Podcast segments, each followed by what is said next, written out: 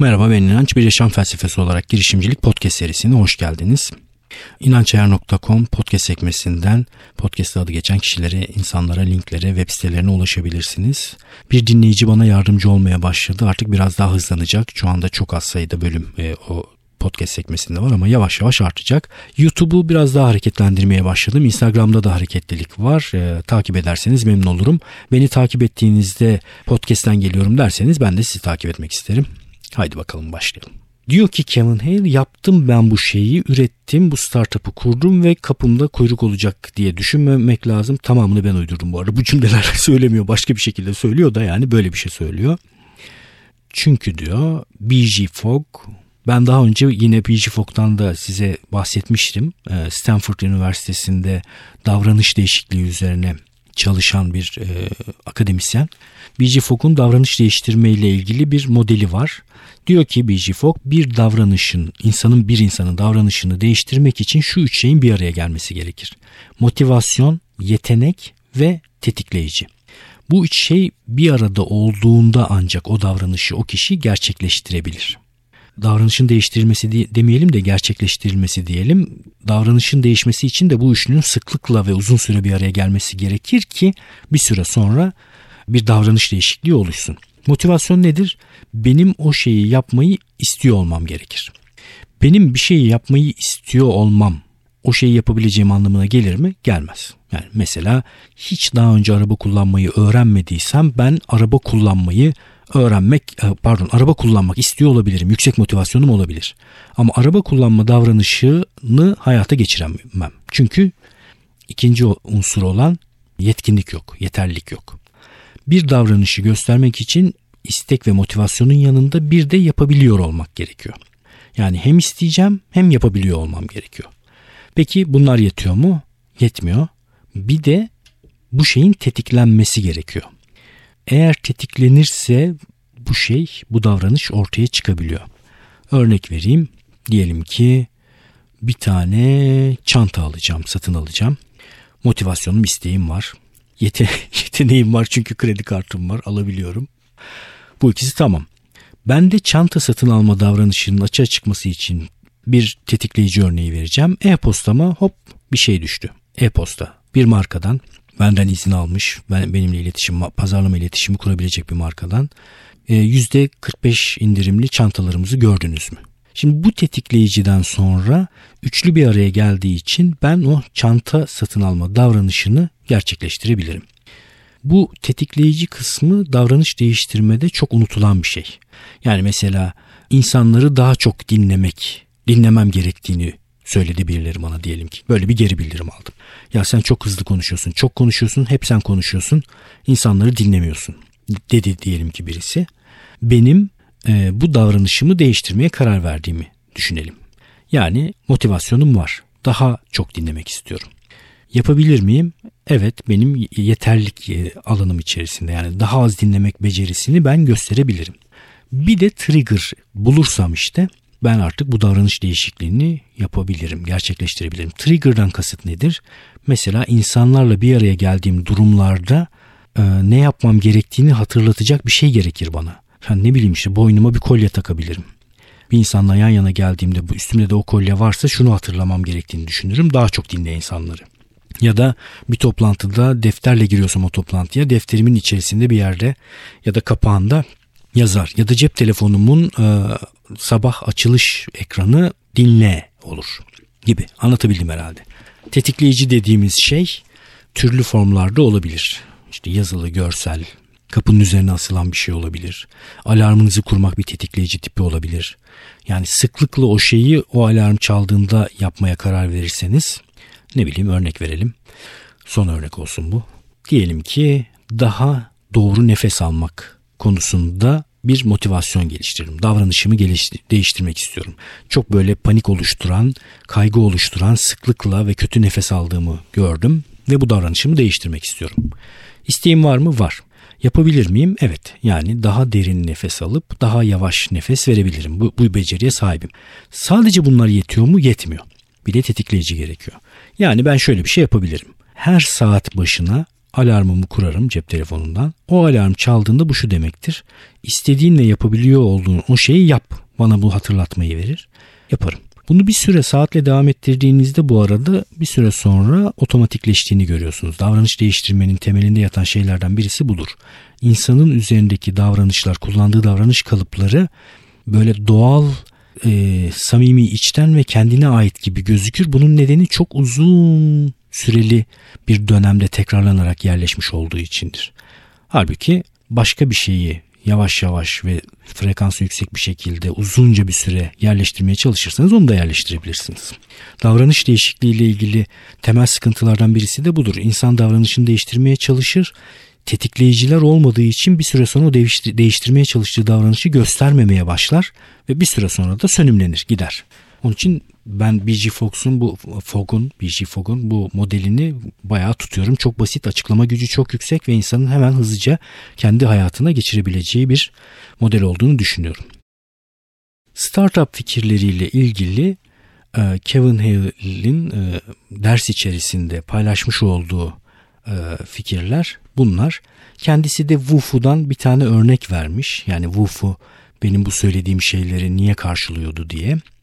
Onun üzerinden de geçelim. Wufu bir online form oluşturma e, web sitesi, bir e, servisi, hizmeti.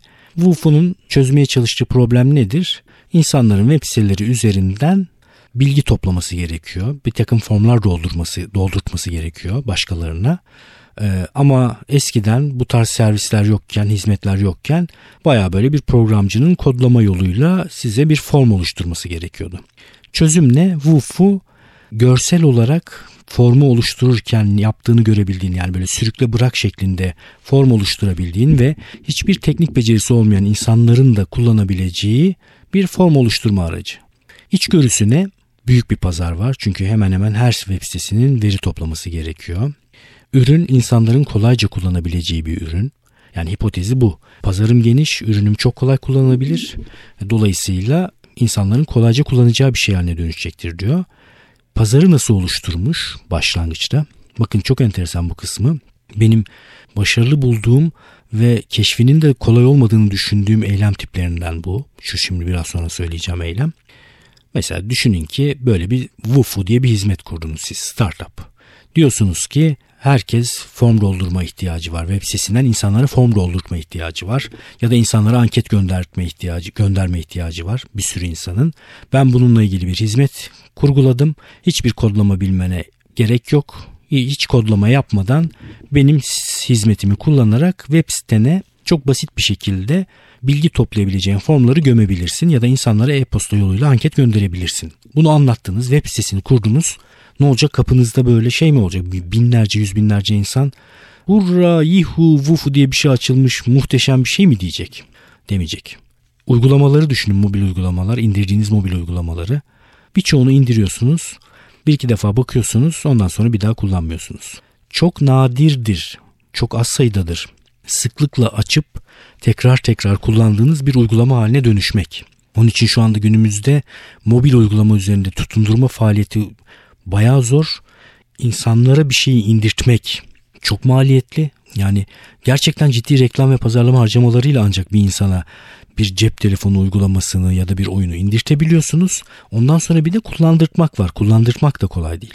Wufu'yu böyle açıp işte insanlar bizi yavaş yavaş bulabilir diye düşünebilirlerdi ya da klasik pazarlama mantığıyla bir takım dijital reklamlar verebilirlerdi. Çok daha enteresan bir şey yapmışlar. Bir kere niye enteresan bir şey olmasının altını vurguluyorum, altını çiziyorum, vurguluyorum. Çünkü startup kuran kişi, kurucu veya da kurucular ve de girişimci. Doğal yollarla iş gören insan türü değil. Yani kaldıraç gücü yüksek eylemler bulması gerekiyor. Ancak böyle davrandığında kısıtlı zamanda düşük bir e, bütçeyle çok büyüyebilecek bir şey gerçekleştirebiliyor. Yani herkesin aklına gelen şeyi yaparsanız bunu herkes yaptığı için yine çok ciddi bir kaldıraç gücü elde edemezsiniz. Sezgi karşıtı fikirler diye sürekli anlatma nedenim de bu. Sezgisel olanı çünkü herkes yapıyor ve sezgisel olandan ortaya çıkacak sonuçlar da belli ortalama sonuçlar bunlar. Yani Wufu gibi bir servisi kurduktan sonra herkesin aklına gelecek yol nedir? Reklam yapmak. Ne yapmışlar?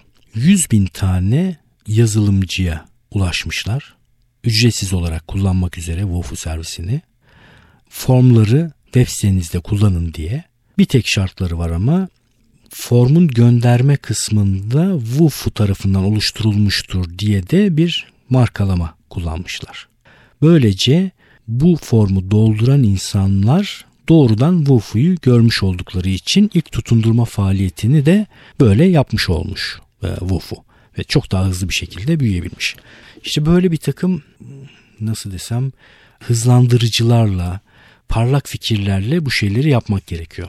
Tekrar şu kuaför örneğine dönecek olursak mesela benim gördüğüm kuaförlerin kullandığı yöntemlerden bir tanesi e, kadın kuaförleri özellikle ücretsiz olarak yaptıkları bir takım faaliyetler var. İşte form dağıtıyorlar, broşür dağıtıyorlar. İşte şu şu şu saatler aralığında gelirseniz şu işlemi ücretsiz yapıyoruz diye. Niye yapıyorlar bunu?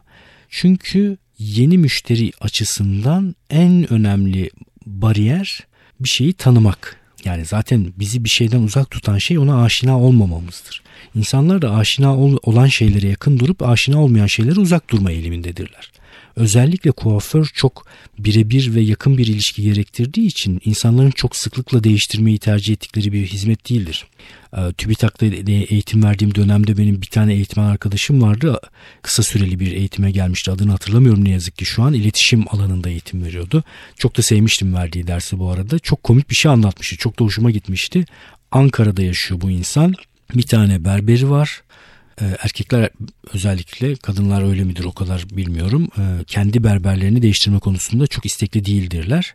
Ama gerektiğinde de değiştirirler. Bu eğitimci Ankara'da berberi var. Yavaş yavaş yaşlanmaya başladığını fark ediyor berberin.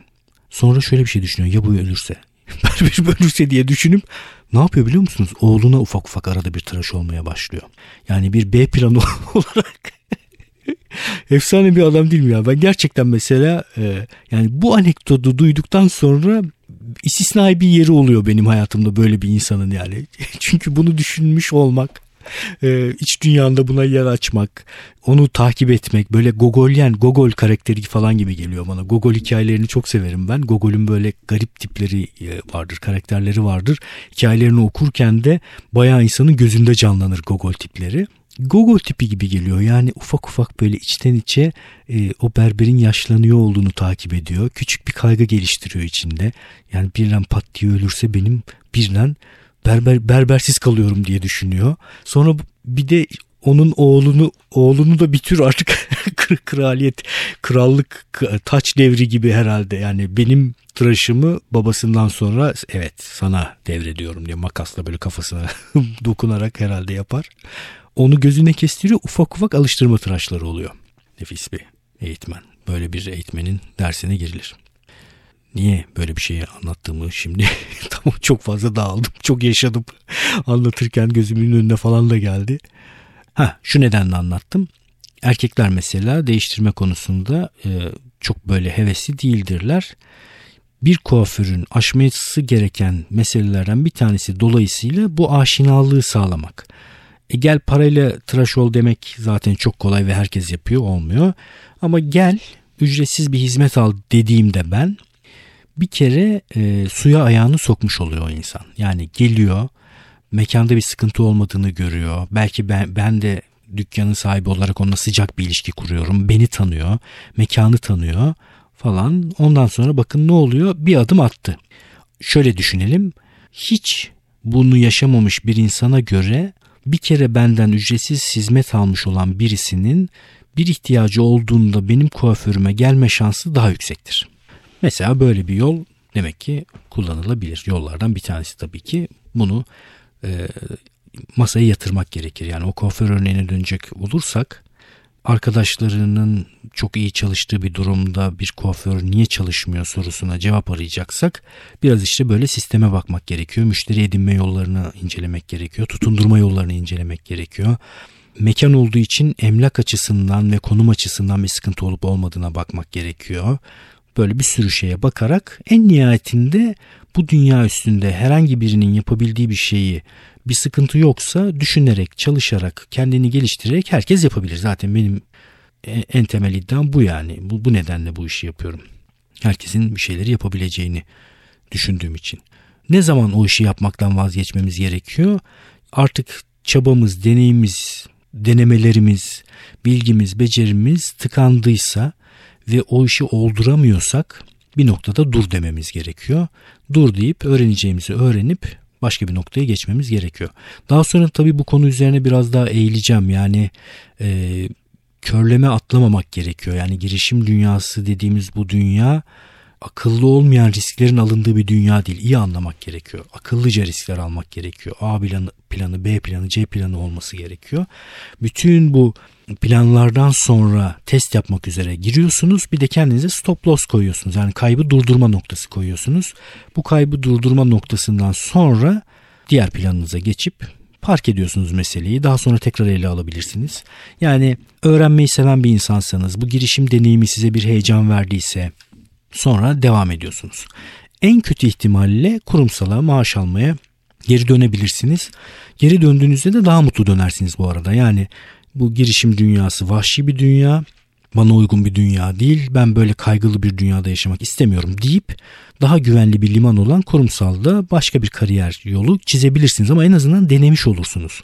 Bence yanlış olan versiyon şu hiç denemeden kurumsala mahkum olmak hiç sevmediği halde ya da e, körlemesine girişim dünyasına atılmak ve bütün gemileri yakmak bu, buna da hiç gerek yok. Hatta kurumsalı hiç terk etmeden e, bir takım yan projelerle girişimcilik kasını geliştirmek de mümkün uzaktan baktığımızda çok kolay gibi gözüken iş kurmak, iş geliştirmek, ekonomi oluşturmak gibi şeyler içine girince görüyorsunuz ki bayağı ciddi öğrenme gerektiren şeyler.